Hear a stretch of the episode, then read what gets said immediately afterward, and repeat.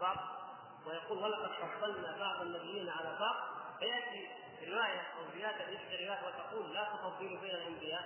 هذا لا يعني محمل أو وجه لمن يقول إن هذه الرواية ربما تكون شاذه لكن لا نذهب إلى ذلك إلا إذا تيقنا ولم يمكن الجمع. فالذي ينبغي لنا أن نعلمه نحن في هذا أن النبي صلى الله عليه وسلم هو أفضل الأنبياء. هذه حقيقة ثابتة. وأن التفضيل بين الأنبياء حق كما هو صريح القرآن.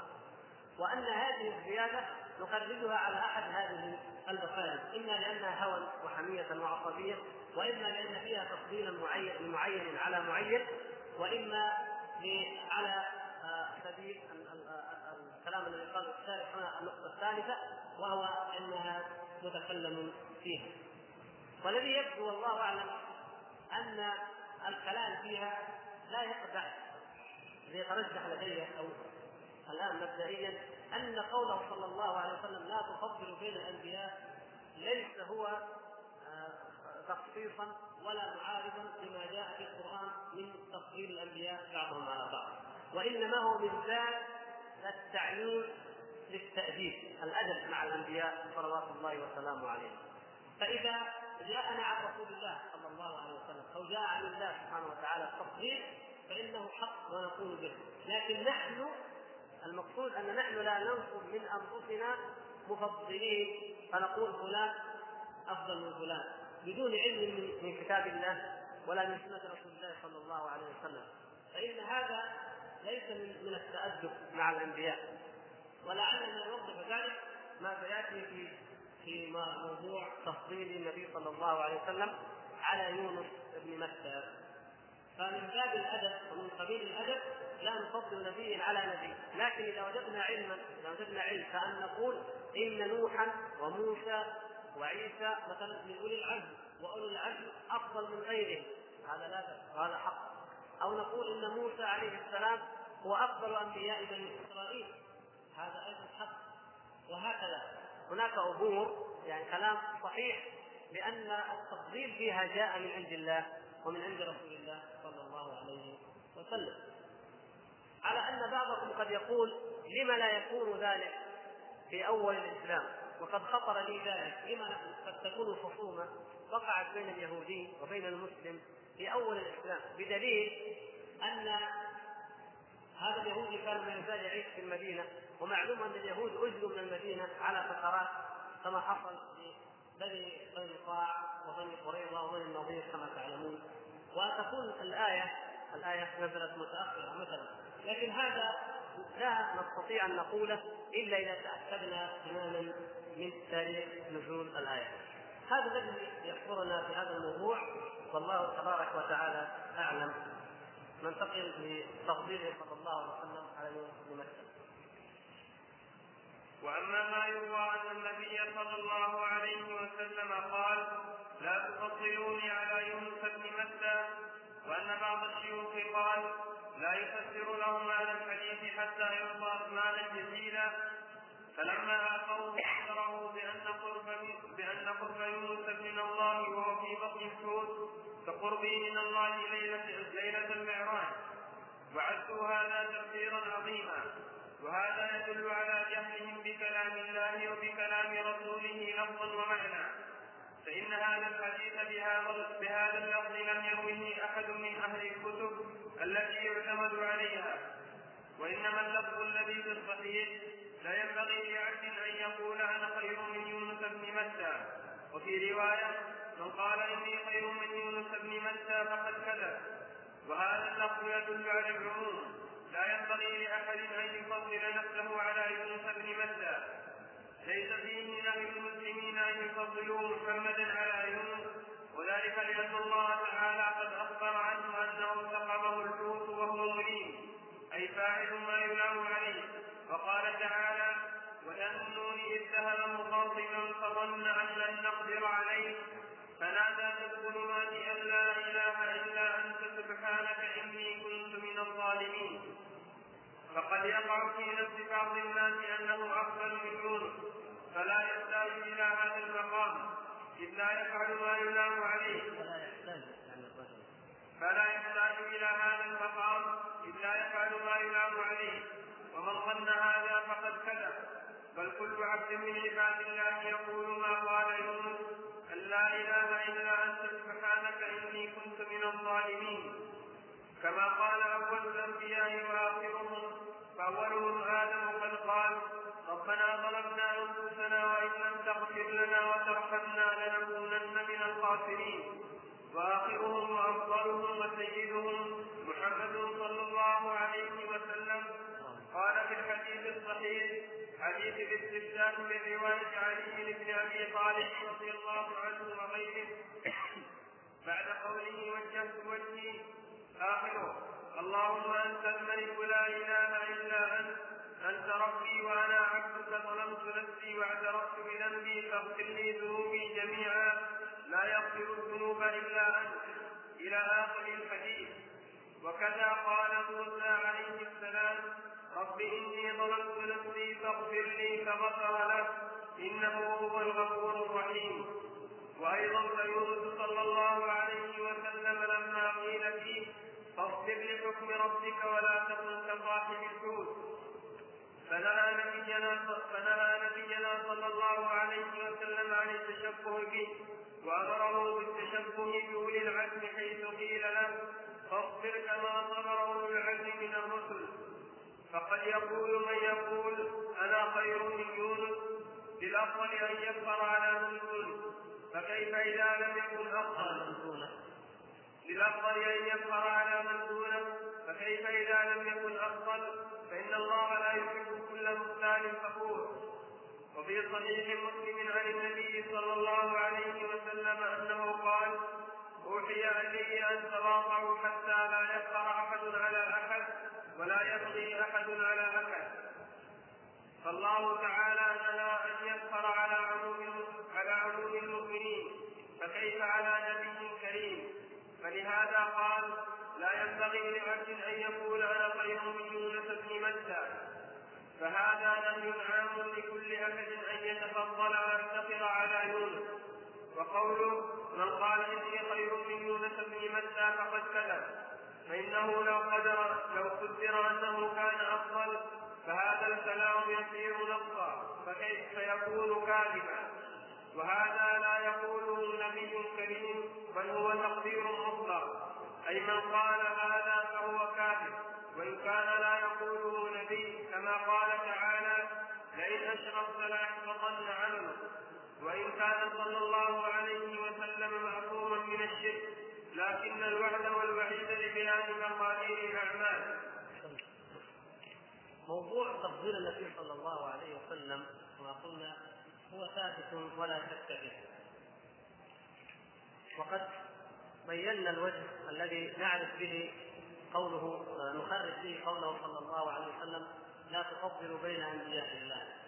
فماذا نقول فيما يروى عنه صلى الله عليه وسلم؟ لا تفضلوني على يونس بن متى يقول المؤلف رحمه الله تعالى هنا قبل أن يشرح ذلك يقول يذكر قصه بعض أصحاب الطرق أو بعض ادعياء العلم الباطن. أحد الصوفية المشايخ الصوفية المدعين العلم الباطن. ولم أستطع أن اعثر على على تفصيله أو على اسمه يقول أنا أفسر لكم أنا أفسر لكم ما معنى هذا الحديث لكن بشرط أن تعطوني مالا جزيلا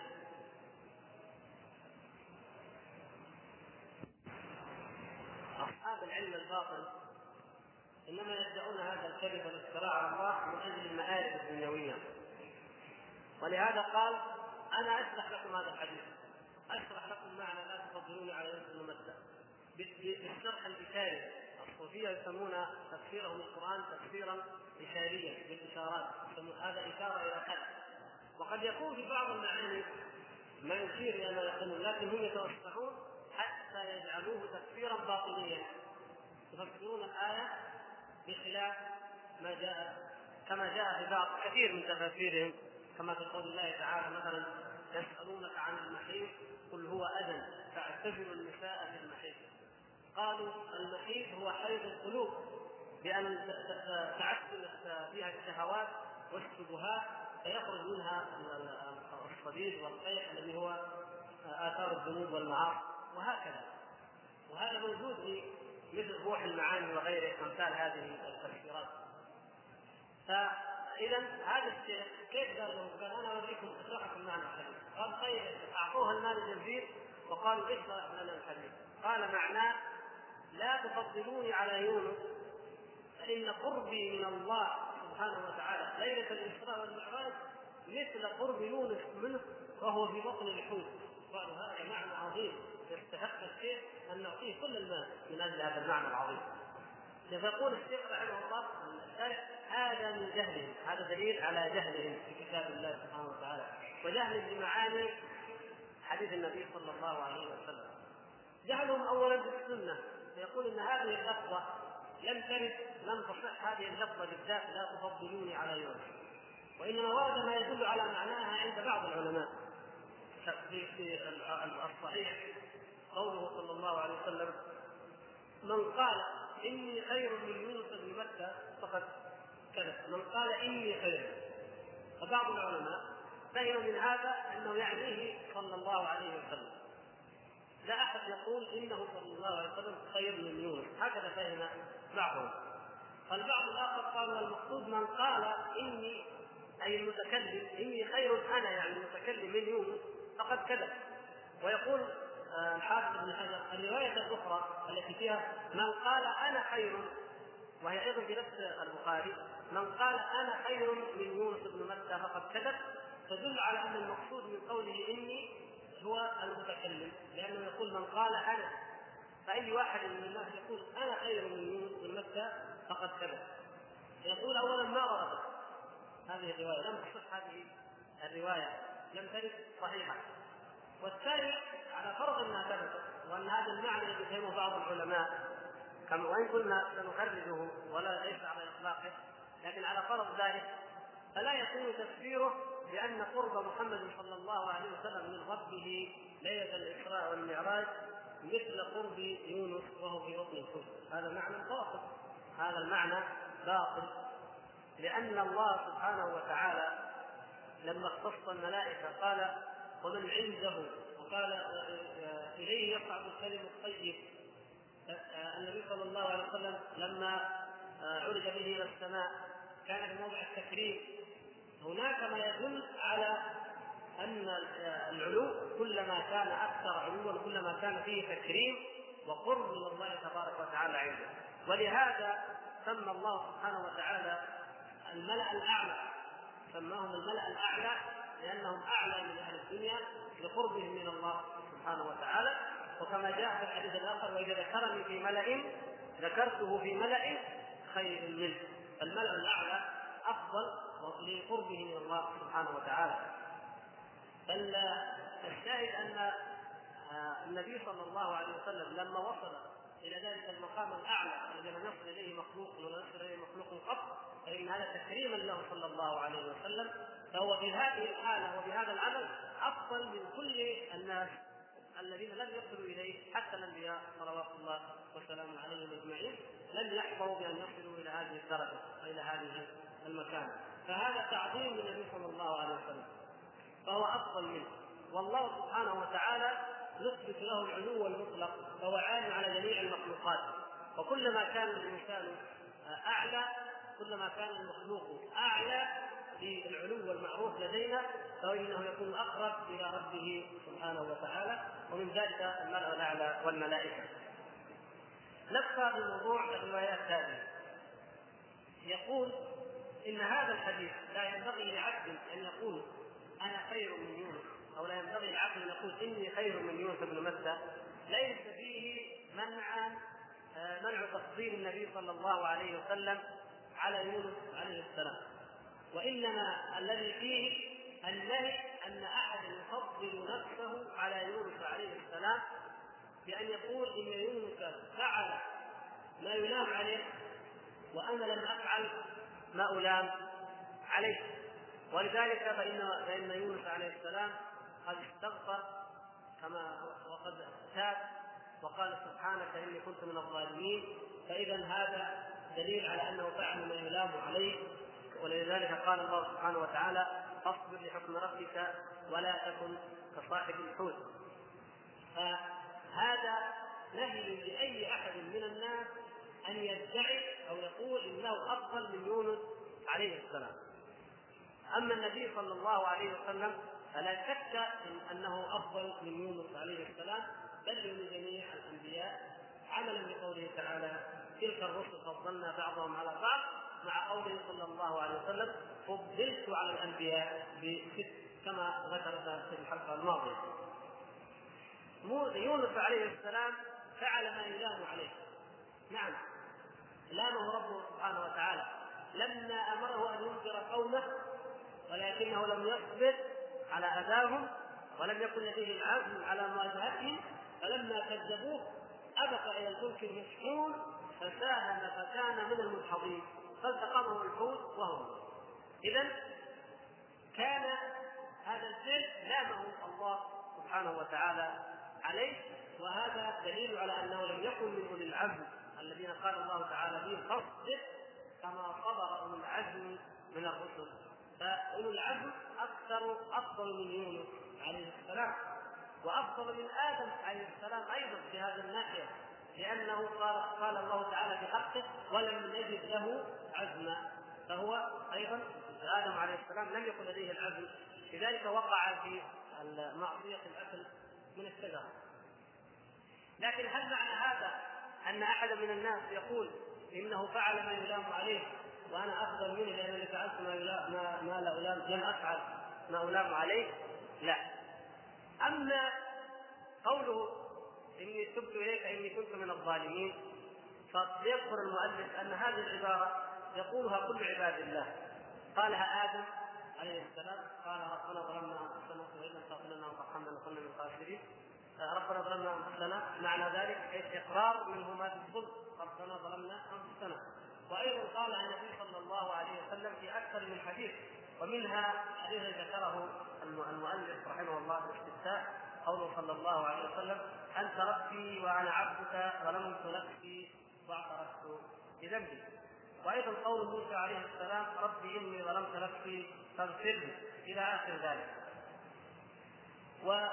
ويقول المؤلف رحمه الله الشارع إن الفقر محرم ومنهي عنه ولا ينبغي للفاضل أن يفتخر على المفضول الفاضل وإن كان فعل عدة زيادة فضل على غيرك في شيء فلا ينبغي لك أن تقول أنا أفضل منك فكيف إذا كان المفضول يفتخر على الفاضل؟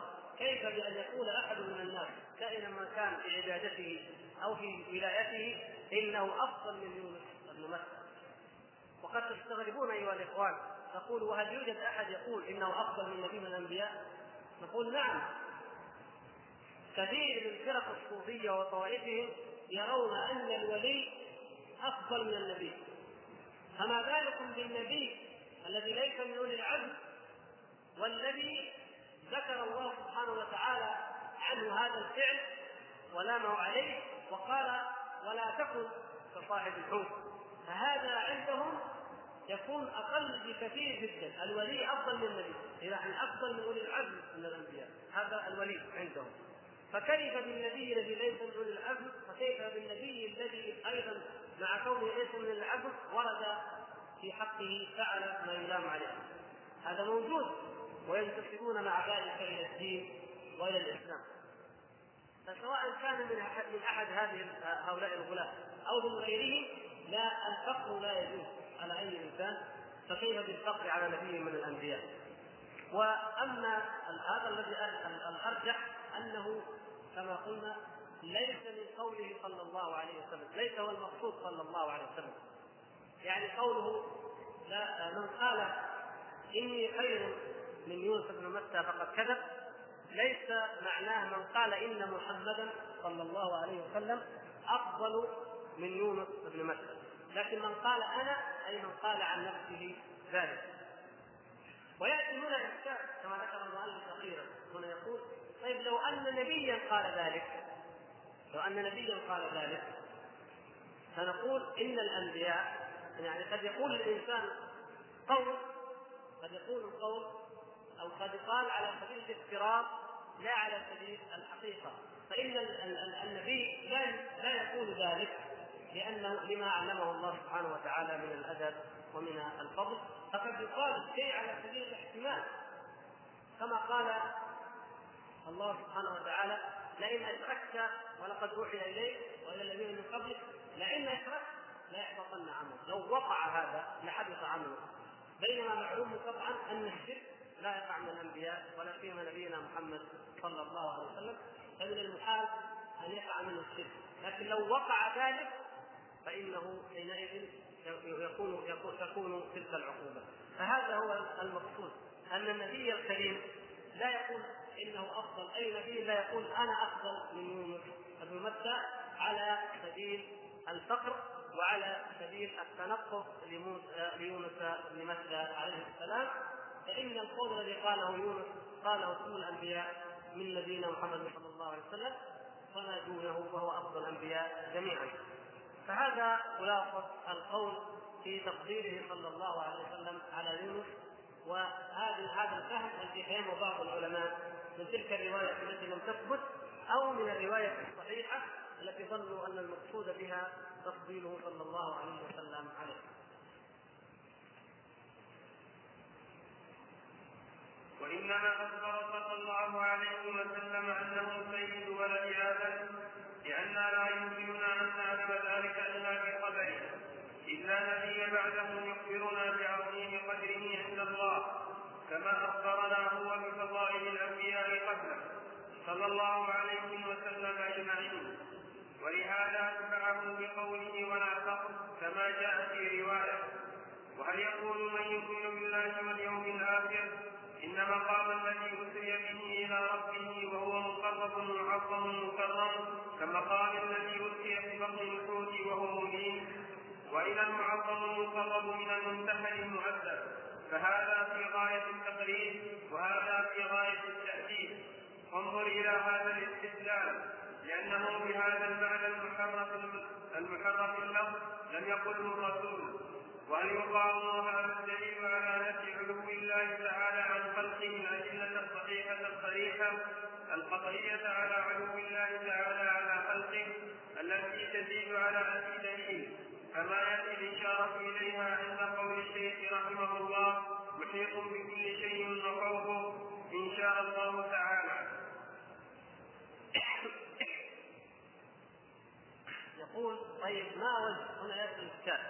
ما وجه قوله صلى الله عليه وسلم أنا سيد ولد آدم يوم القيامة؟ مع القول لأنه صلى الله عليه وسلم آه، نهى عن عن الفقر وعن التقدير وأمر بالتواضع التقدير حق وقوله صلى الله عليه وسلم افضل الأنبياء حق. وقال صلى الله عليه وسلم أنا سيد ولد آدم وهذا حق. طيب كيف نجمع بين هذا وبين هذا وبين النهي عن المفاخره والمفاضله الجمع يقول لأنه صلى الله عليه وسلم لا يعلم فضله. ولا يعلم تفضيله على الأنبياء إلا بالوحي. والوحي من أين يأتينا؟ عن طريقه. صلى الله عليه وسلم. فإذا هو يخبرنا. صلى الله عليه وسلم يخبرنا بذلك. فهذا من قبيل الاخبار ولهذا توضح الرواية الأخرى وإن كان فيها بحثا وهي رواية ولا فقر فقوله ولا فقر أي لم أقل إني سيد ولد آدم يوم القيامة على سبيل الفقر فإن الفقر منهي عنه. والأمر والحال والشأن هو كما قال صلى الله عليه وسلم يا عباد الله تواضعوا حتى لا يفقر أحد على أحد. فليس قوله صلى الله عليه وسلم أنا سيد ولد آدم من الفقر وإنما هو من قبيل الإخبار بالواقع والحقيقة الذي لا يمكن أن نعلمه إلا عن طريقه صلى الله عليه وسلم. هو أخبرنا بجميع ما يكون في يوم القيامة. ومما يكون في يوم القيامة وجميع ما في يوم القيامة لا يعلم إلا بالخبر أنه صلى الله عليه وسلم هو سيد الناس وهو أفضل الناس سيدهم في ذلك الموضوع وهذا كما قلنا هذا يربط يربط الكلام بما قلنا في أول الحديث أن يوم القيامة أمر خاص وتفضيله صلى الله عليه وسلم على الناس فيه له خصوصية. ولهذا قال أنا سيد ولد آدم يوم القيامة. بينما لم يقل ذلك مطلقا ولم يرد هذا اللفظ مطلقا عنه صلى الله عليه وسلم ولا عن أصحابه وإن كان هو حق في ذاته لكن لم يرد عنه صلى الله عليه وسلم ذلك إلا في بيان يوم القيامة واختصاص ذلك اليوم بهذا التفضيل معلوم مخالفته عن غيره من الأيام وغيره في الحياة الدنيا. ثم اكمل الرد على هذا الشيخ الضال في بيان علو الله سبحانه وتعالى وإثباته فيقول كيف يكون هناك فرق بين النبي الذي اسري به مقربا معزا مقربا بين هذا المقرب المعظم المقرب وبين الممتحن المؤدب الذي التقمه الحوت تأديبا وعقوبة من الله سبحانه وتعالى. فهذا هذا من حذلقة الصوفية ومن إشاراتهم التي يفسرون بها كتاب الله سبحانه وتعالى على ما يقتضيه الهوى لا على ما يقتضيه الدليل والنص الشرعي وفي بعض أسئلتكم هذه ما يفتح المجال لزيادة إيضاح أكثر فننتهي الآن إن شاء الله لنتوضأ ونرجو أن نكمل بعد الصلاة إن شاء الله الأسئلة وبها تتضح بقية أطراف الموضوع. صلى الله عليه محمد وعلى آله وصحبه.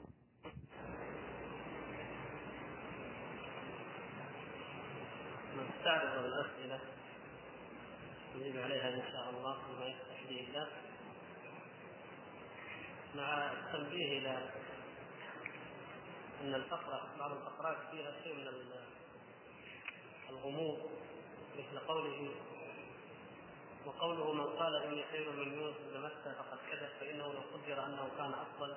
فهذا الكلام يصير نصا فيكون كاذبا وهذا لا يكون نبي كريم بل هو تكبير مطلق. يعني بعض العبارات قد فيها شيء من الغموض لكن المراد إن شاء الله كما أوضحنا أرجو انكم قد استوعبتموه وهو أن النبي صلى الله عليه وسلم نفضله على جميع الأنبياء كما ثبت ذلك لكن هو صلى الله عليه وسلم أو غيره من الأنبياء لم يقل أحد منهم ولا يقول أحد منهم إني أفضل من فلان من الأنبياء لأنهم متأدبون صلوات الله وسلامه عليهم.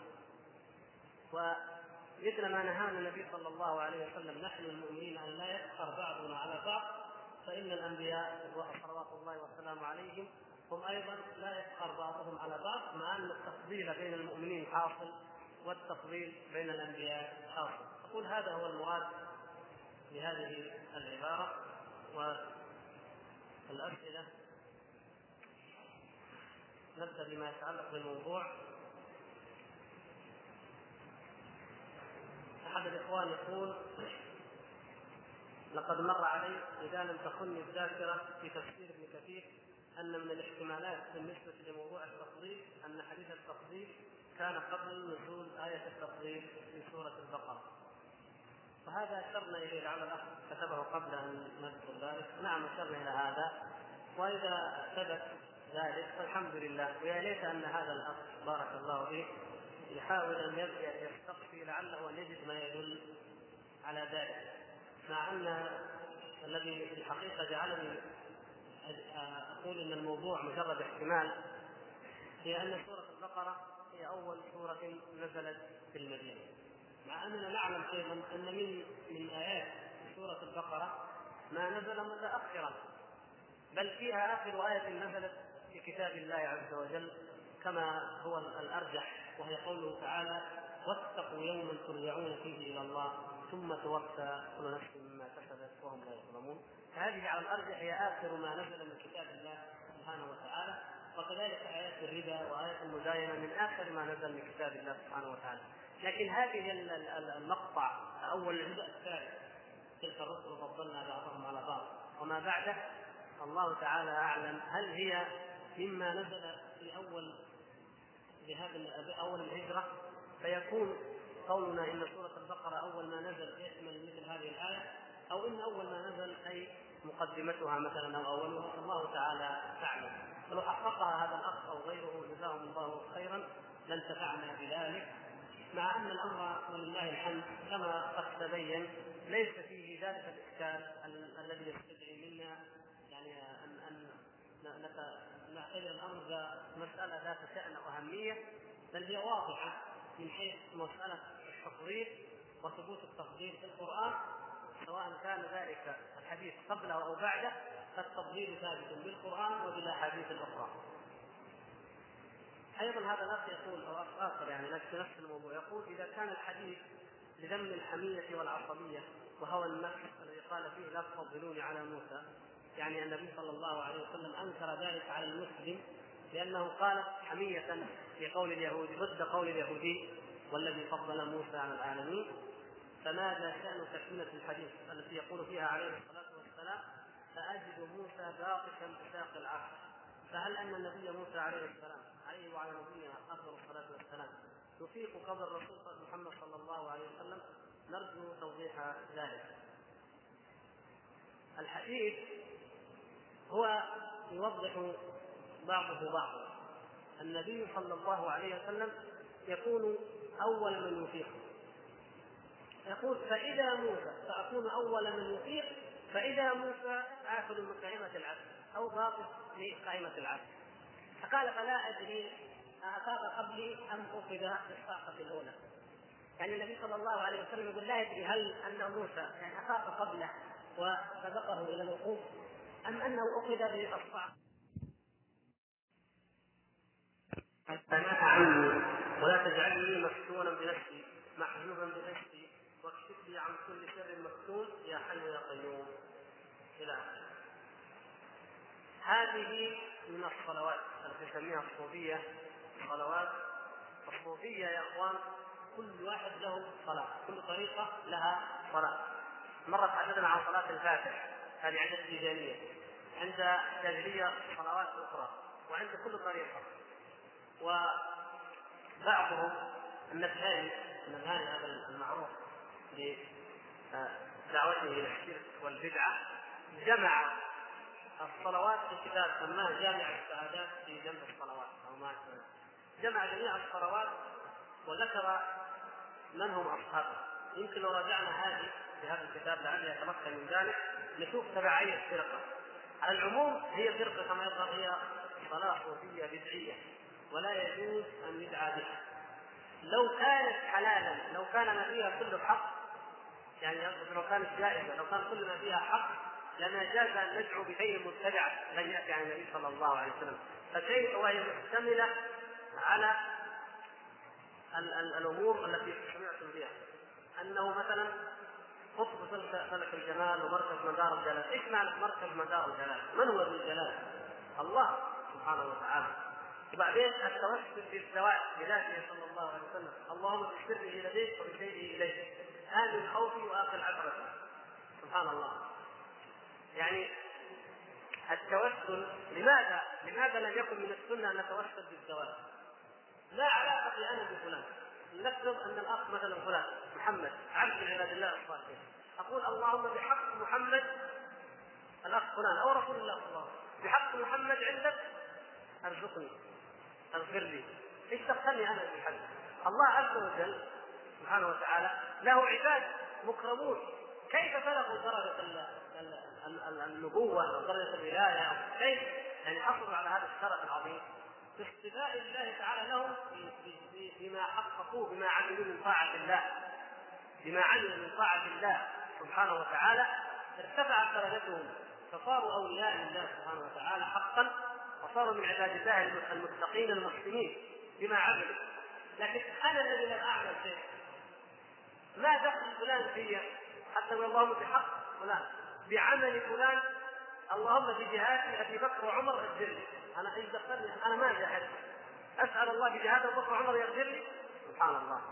يعني انظروا حتى مع هذا لذلك لكن لو ان العاقل يفكر ويتأمل لوجد انه فعلا كل لم يرد فإنه مخالف للعقل السليم. والعاقل الذي يفكر بعقل سليم بفهم من كتاب الله وسنة رسوله صلى الله عليه وسلم يجد أن هذا من البدع. التوسل بالزواج من البدع. فما هو ما شأنك أنت في جهاد من جاهد وفي سير من سار ما شأنك فيه أنت؟ أنت يجب عليك أن تسير كما سار وأن تجاهد كما جاهد وأن تتقي كما اتقى فإذا اتقيت الله وأردت أن تتوسل إليه بشيء غير أسمائه وغير صفاته التي واجهه ومعروف التوسل بها فتوسل إليه ما علمت أنت أنت كما فعل الثلاثة أصحاب الغار. اللهم إن كنت فعلت ذلك لوجهك فاخرج عنا. هذا فعل هو. فنعم حينئذ أقدر أقول يا ربي أنني اطعتك وصدقت جاهدت أمرت بالمعروف ونهيت عن المنكر. اللهم أسألك مثلا بهذا الشيء. اللهم إن كنت فعلت ذلك خالصا لوجهك فاخرج عني. هذا هو لأني أنا عملته لكن ما ما دخلي في عمل غيري ما شان عمل غيري بالنسبة لي. وكل إنسان إنما يجازى عما عمل. والنبي صلى الله عليه وسلم يقول لأقرب أقربائه اعملوا صالحا. لا أغني عنكم من الله شيئا. هذا هو. فهذه فيها أيضا توسل الزواج وفيها الفناء وارزقني الفناء عني يفنى عن نفسه إيش يصير؟ إذا فني عن نفسه إيش يصير؟ هذا هو الذي كما اشرنا يقول اسمه يتحد بالله خلاص يصير ما ما له وجود فيتحد بذات الله والعياذ بالله. تعالى الله عن ذلك علوا كبيرا. ولا تجعلني مفتونا بنفسي محجوبا بحسي واكشف لي عن كل سر مكتوب. هذا من الاعتداء بالدعاء في أحد يقول يا رب اكشف لي عن كل سر مكتوب هذا اعتداء بالدعاء من الاسرار المكتومه علم الساعة لا يعلمها إلا الله لا يجزيها لوقتها إلا هو سبحانه وتعالى. ولم يطلع عليها ملكا مقربا ولا نبيا مرسلا أنا يقول اللهم اكشفني عن كل سر إذا اعتديت بالدعاء يطلعني على الشيء الذي لم يطلع عليه أنبياء ولا ملائكته أنا اعتديت دعوت بشيء غير صحيح وغير مشروع فهذا من الاعتداء في الدعاء. والله سبحانه وتعالى نهانا عن الاعتداء فيه. فهذه كلها يا إخوان تشتمل على على هذه الضلالات وغير ذلك لو تأملنا فيها أكثر وجدنا أكثر ومع ذلك يقولون هذه صلوات وهذه اذكار ويلتزمون بها في حلقاتهم وفي حضراتهم ويتركون ما صح عن النبي صلى الله عليه وسلم من الصلاة عليه ما ثبت في البخاري ومسلم وغيرهما. وما يقوله جميع المسلمين في صلاتهم وغيرها يتركون ذلك كله ويعملون فقط إلى هذه المتبعات.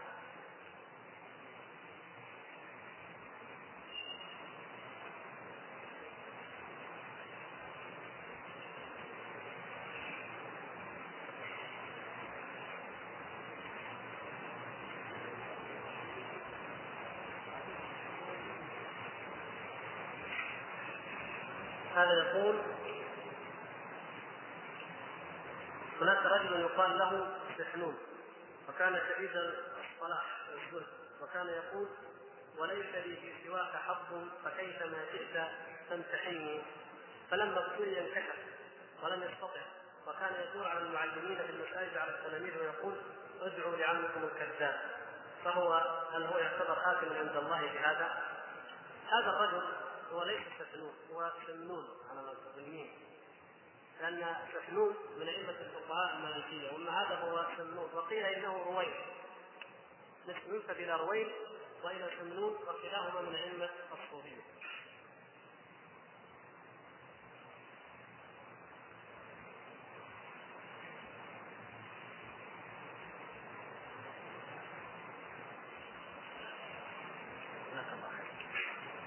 فيقول هذه هذا دليل على كما يسمى انفساق الحزن يسميه شيخ الإسلام تيمية بعض العلماء الذين يسالون انفساق العزاء.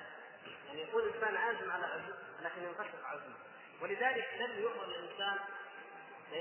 أن يسأل أن إذا لا تسالوا لقاء العدو يقول النبي صلى الله عليه وسلم لا تتمنوا لقاء العدو فإذا لقيتموهم فادعوا يقول اللهم القنا اللهم يريد أن نقابلهم لأنك لا تدري أن تسكت أو تنفسخ العزيمة فتأثم.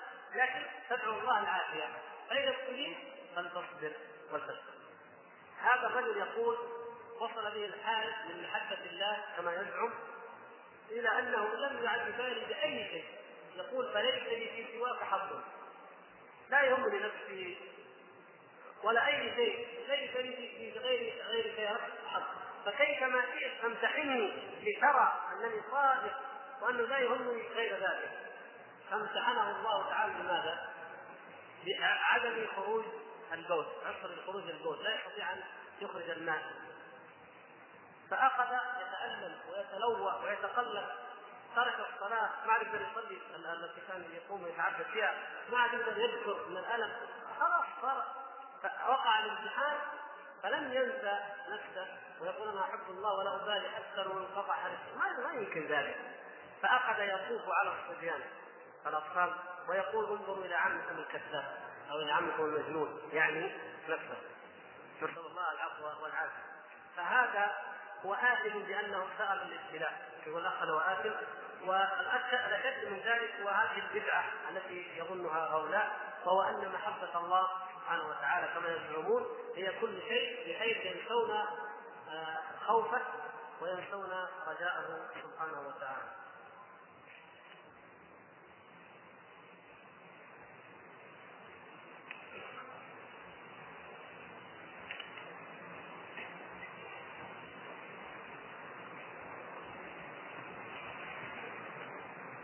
في فتح الأربعين النووية سمى النووي رحمه الله؟ عبادة محمد صلى الله عليه وسلم عبادة الأبرار.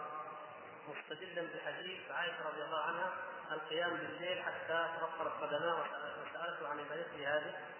يقول ما فهمت تسمية ما فهمت السائل؟ ما فهمت تسمية هذا أريد توضيح ذلك. في شرح الأربعين النووية سمى النووي لون يسمى ولا قصة ابن رجب؟ قال عبادة الأبرار نراجعها نتأكد من المتن من اللفظة. لكن لعله يقصد يعني أن هناك درجات ولا شك أن المؤمنين درجات. والأولى هنا أن لا نقال أن يقال الأبرار إذا كان لابد من التسمية النبي صلى الله عليه وسلم الأحرار. ليس من الأحرار ما عبادة الأحرار على كل حال تراجع إن شاء الله فيه. فيذكر النص الموضع حتى نراجعه أو يجيب النص إما ينقل النص وإما أنا راجع إن شاء الله نستطيع. أما الأبرار فالابرار أقل منزلة من المحسنين. وإن كان قد قد يأتي العموم يعني بينهما خصوص وعموم لكن في سوره الإنسان قال الله سبحانه وتعالى عينا يشرب بها عباد الله؟ يفجرونها تفجيرا. هؤلاء عباد الله أي المحسنون. ثم ذكر بعد ذلك جنة الأبرار وهي الجنة التي من فضة. الجنة التي من الذهب للمحسنين والجنة التي من الفضة للأبرار. وكما في سورة يدل على ذلك في سورة المطففين. لا لا يحتمل الوقت الآن توضيح ذلك. ما دام يمكن انها تكون الاحرار لا مؤاخذة لما كثرت نحتاج أن نبدأ.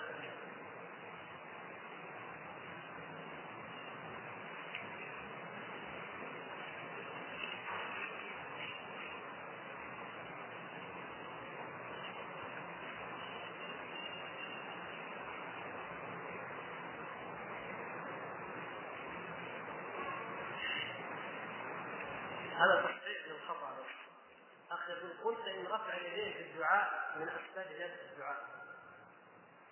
هل يعني أن أرفع يدينا عند لدي المقيد؟ لا ما قلت أنا من أسباب اجابه الدعاء. رفع اليدين جائز يعني هو حالة هو من صفات الدعاء. ما قلت من أسباب الإجابة. لكن المواضع التي هي كما بعد السلام أو خطبة الجمعة التي ما وردت لا لا نفعل ذلك. وهل يدعي من ذلك ان رفع ايدينا عند دخول الخلاء أو دخول المنزل؟ الأدعية التي هي الأذكار عند دخول الخلاء ودخول المنزل ليس فيها رفع اليدين فيما نعرفه. وأما بعد مجالس العلم يقول هل ثبت عن الرسول صلى الله عليه وسلم عن الدعاء برفع اليدين بعد مجالس العلم فاكتبوا جزاكم الله خيرا. لا أذكر شيء بخصوص هذا لكن بما أن المجلس مجلس ذكر وتنزل عليه الرحمة والسكينه من الله سبحانه وتعالى فهو من مواطن الإجابة من مواضع الإجابة. فلو دعا أحد وفي هذه الحالة يرفع يديه لأنه ليس من المواضع التي منهي عن رفع اليدين فيها هذا الذي قلنا إنه جائز ولا بأس به. يعني أنا لم أقل إنه مشروع. فرقوا يا إخوان نريد مره هذا معنا. فرق بين الجائز وبين أنه مشروع. ما قلنا إنه مشروع لك إذا كنت في حلقه ذكر أن تختمها بدعاء. لكن قلنا لو أنك ختمتها بدعاء لكان ذلك جائزا. لكن لو التزمت أنكم في كل حلقة تقول يلا نسوي الدعاء خلاص انتهينا ندعي نتحرك ندعي كذا بهذا الشكل الذي معلوم الذي يكون بعض الناس يفعلونه. نقول هذا بدعة أصبح من البدع الإضافية. فارجو أن العبارات دائما تفهم على وجهها الصحيح هل الشياطين تموت أم لا؟ ليش ما تموت؟ ما هي من خلق الله عز وجل؟ الله سبحانه وتعالى مدد فقط لإبليس من أجل الفتنة من أجل الابتلاء. إلى يوم يبعثون. قال إنك من المنظرين منظر إلى أن يأتي الوقت المعلوم الذي هو نهايه أما بقية المدارس فنسأل الله تعالى أن ينتقم منهم وان يميتهم.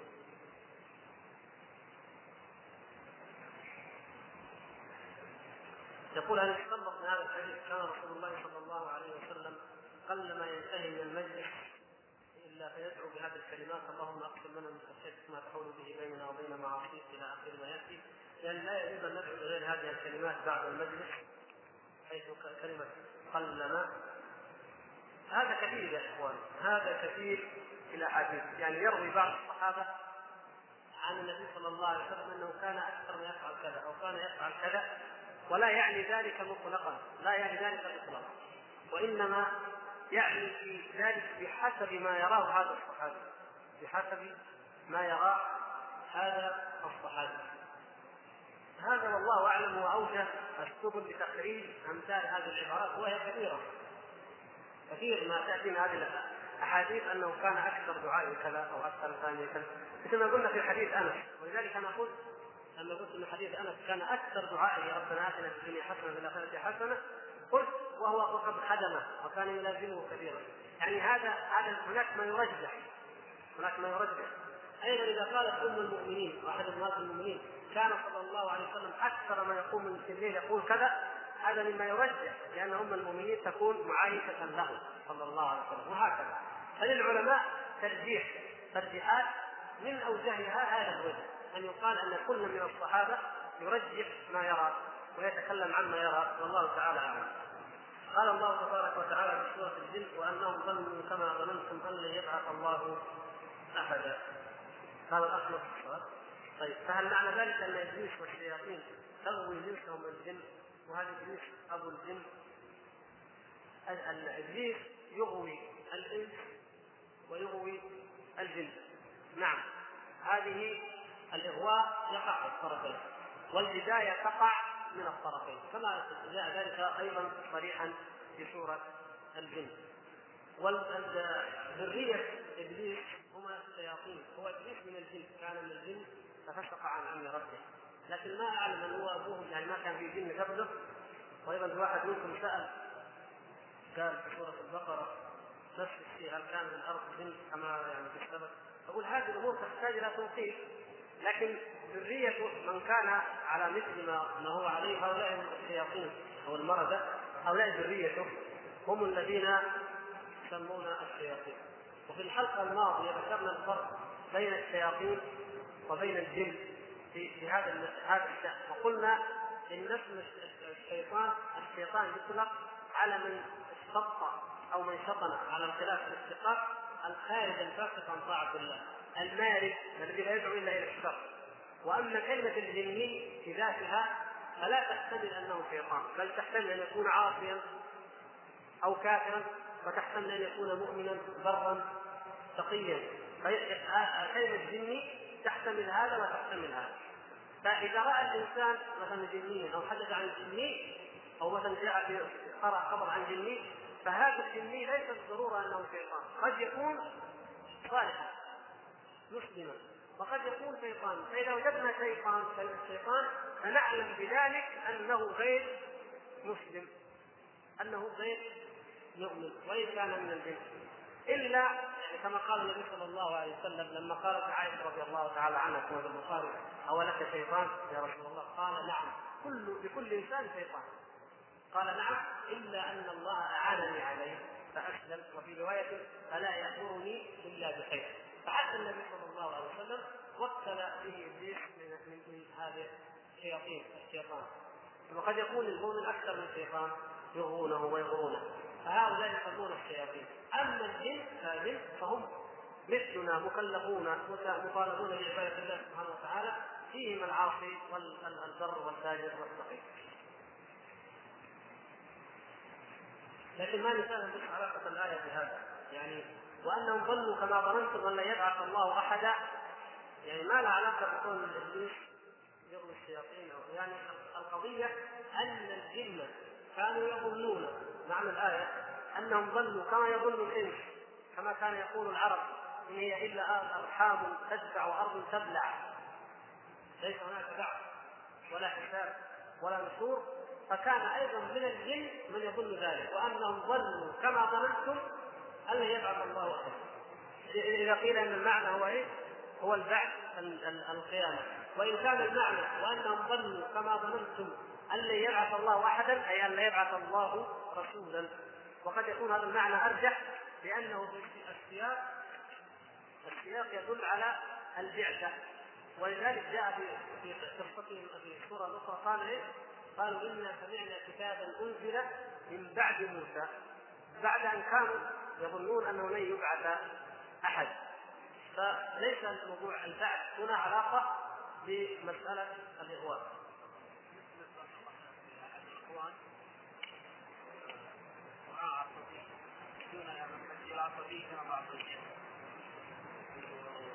لما يعني دائما هم يذكرون الله عز وجل لما يتطيب كذا كذا يعني يصفي الانواع حق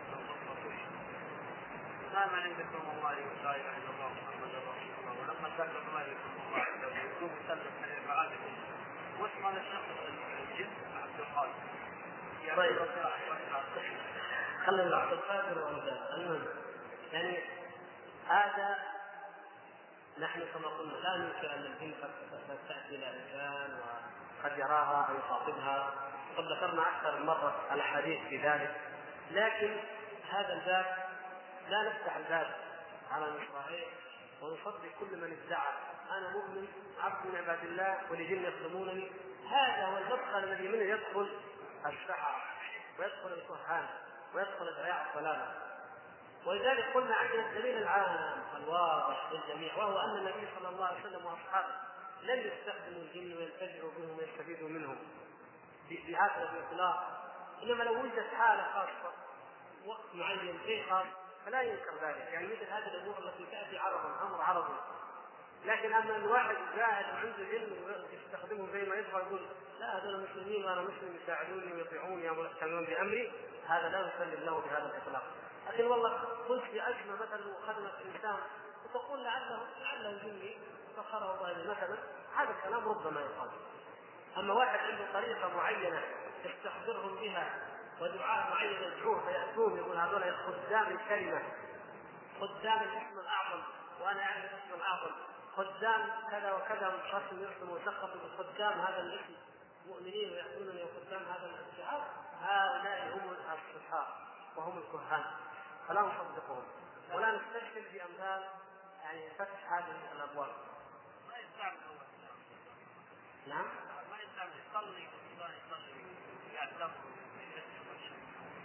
أيوه التلبيس يا أخي يقع التلبيس يقع من الجن ومن غير الجن ولو أننا مثلا النوايات بيننا بين درسنا هذه الحالة إن شاء الله بين لك أكثر لكن المقصود أنه قد يقع التلبيس من الجن من الشياطين فيقولون ان إحنا جيناك لانك ولي من أولياء الله ونخاطبك ونخدمك ونامرك بكذا ليستدرجوه فيضروه. وهذا قد وقع لناس كثير مما يعني أنا ممن أعرف أو ممن حدثت عنه عدد لا بأس به فكيف على مدار التاريخ.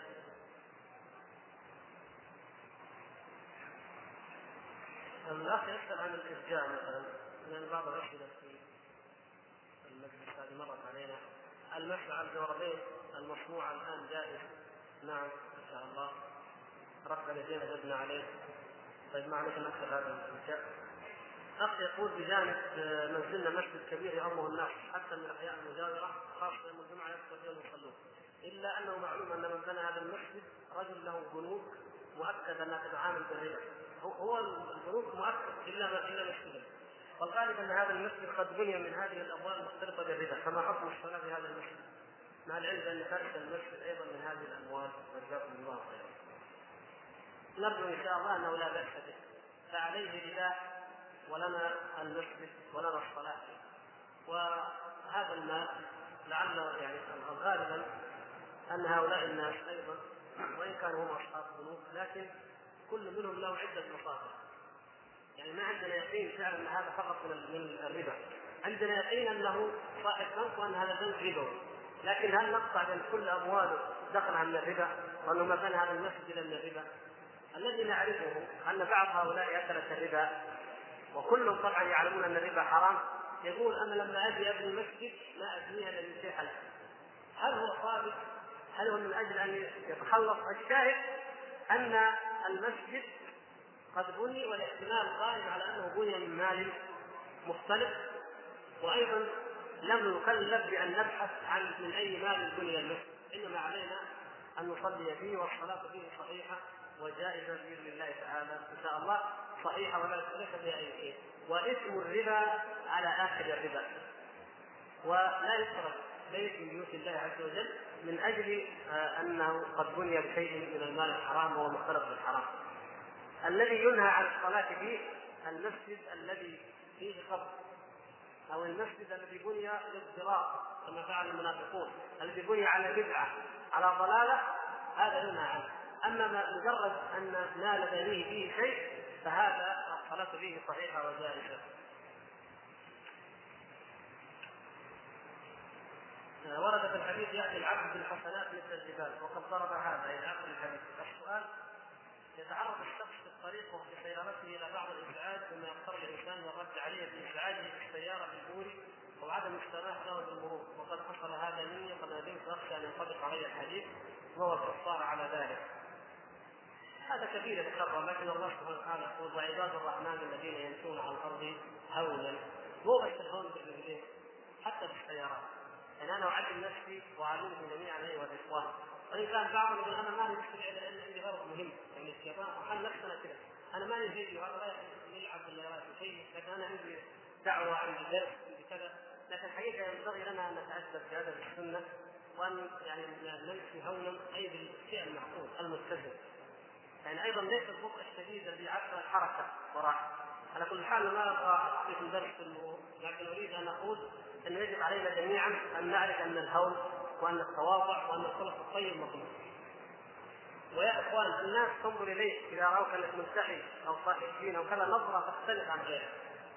فإذا أنت سمحت له وشكر لك هذا أفضل بنفسه وقد يكون إن شاء الله مما يحببك في أهل الخير وفي أهل الدين. لكن لو تعديت حتى لو تعديها غيرك حتى مطوع هذا مطوع برضه يسافر أو يصادق فهذا شيء طيب يعني نحن إذا رأينا رجل المرور حط الاشاره ننتبه صح ولا لا؟ لأنه مفروض فيه أن يكون أكثر الناس التزام بالإشارة المؤمن المفروض فعلا المفروض المتوقع يعني أن يكون أكثر الناس التزاما بالسنة وبالأدب. فالعفو من شيم من من أخلاق من العفو والمشي الهون والصف والإيثار والمعاملة الحسنى هذه من شيم المؤمنين. نسأل الله أن يعيننا جميعا على أنفسنا ونحقق ذلك. أنا لما قريت أول حديث ظننت أنه يسأل عن قضية حديث الارتباط الأخ يقول من هم جماعة المسلمين في حديث الرسول صلى الله عليه وسلم فعليك بجماعة المسلمين وكيف نعتصم بهم؟ أرجو التوضيح أيضا أن هذه الأيام كثرة الأحزاب وكل حزب بما لديه فريق. النبي صلى الله عليه وسلم قد أخبر مع كثرة الطوائف والأحزاب بأنه لا تزال طائفة من أمتي على الحق منصورة لا يضرهم من خالفهم حتى يأتي أمر الله. وفي رواية من روايات حديث السيرة قال مثلهم مثل ما أنا عليه وأصحابي. أي من كان على مثل ما كان عليه النبي صلى الله عليه وسلم وأصحابه. ولذلك نجد أن بعض العلماء فسر الجماعة قال أبو بكر وعمر. لماذا؟ لأنهم كانوا على مثل ما كان عليه النبي صلى الله عليه وسلم الخلفاء الراشدون هم الجماعة لأنه في أيامهم كان الناس على الحق وخرجت مثلا الخوارج وغيرها من الطوائف فسمي هؤلاء الجماعة وسميت أولئك الخوارج أو الفرق ولذلك تجد كتب العقيدة تقول قالت الجماعة وقالت الفرق. ما معنى قالت الجماعة؟ يعني قال أهل السنة. ثم صار فيما بعد يقال لهم أهل السنة والجماعة. صار مصطلح من أهل السنة وهم الجماعة أو هم أهل الجماعة أي المتبعون لما كان عليه النبي صلى الله عليه وسلم ولو كان وحده ولو كان رجلا واحدا. ويعني موضوع الموضوع له يعني تفصيل لا يحتمل المقام. لكن المقصود كيف نعتصم بهم؟ الكتاب والسنة من اعتصم بها بهما فهو من الجماعة. فإن اجتمع المؤمنون على الاعتصام بكتاب الله وسنة رسوله صلى الله عليه وسلم والدعوة إليه فهذه هي الجماعة التي أمرك الله سبحانه وتعالى أن تنضم إليها. هذه الجماعة هي المجتمعون على طاعة الله ورسوله والأمر بالمعروف والنهي عن المنكر. هذا هو المقصود في ذلك. بعد ذلك تأتي مصالح أخرى يعني هل من مصلحة من مصلحة الدين والدعوة أن هؤلاء المؤمنين يكون لهم نوع من أنواع التجمع يعني يكونوا في بلد لا يقام فيه دين الله عز وجل وهم يجتمعون ويتفقون فيما بينهم على أمر يحقق مصلحة الدين والإسلام ويسموا أنفسهم مثلا جمعية أو جماعة أو أي شكل أي شكل المهم تتحقق به مصلحة إقامة دين الله عز وجل. والأمر بالمعروف والنهي عن المنكر دون أن يؤدي ذلك إلى التفريق بين المسلمين أو التحزب والتعصب المذموم هذه مسألة أخرى. هذا شيء آخر. لا وقت الآن لتفصيل الحديث فيه.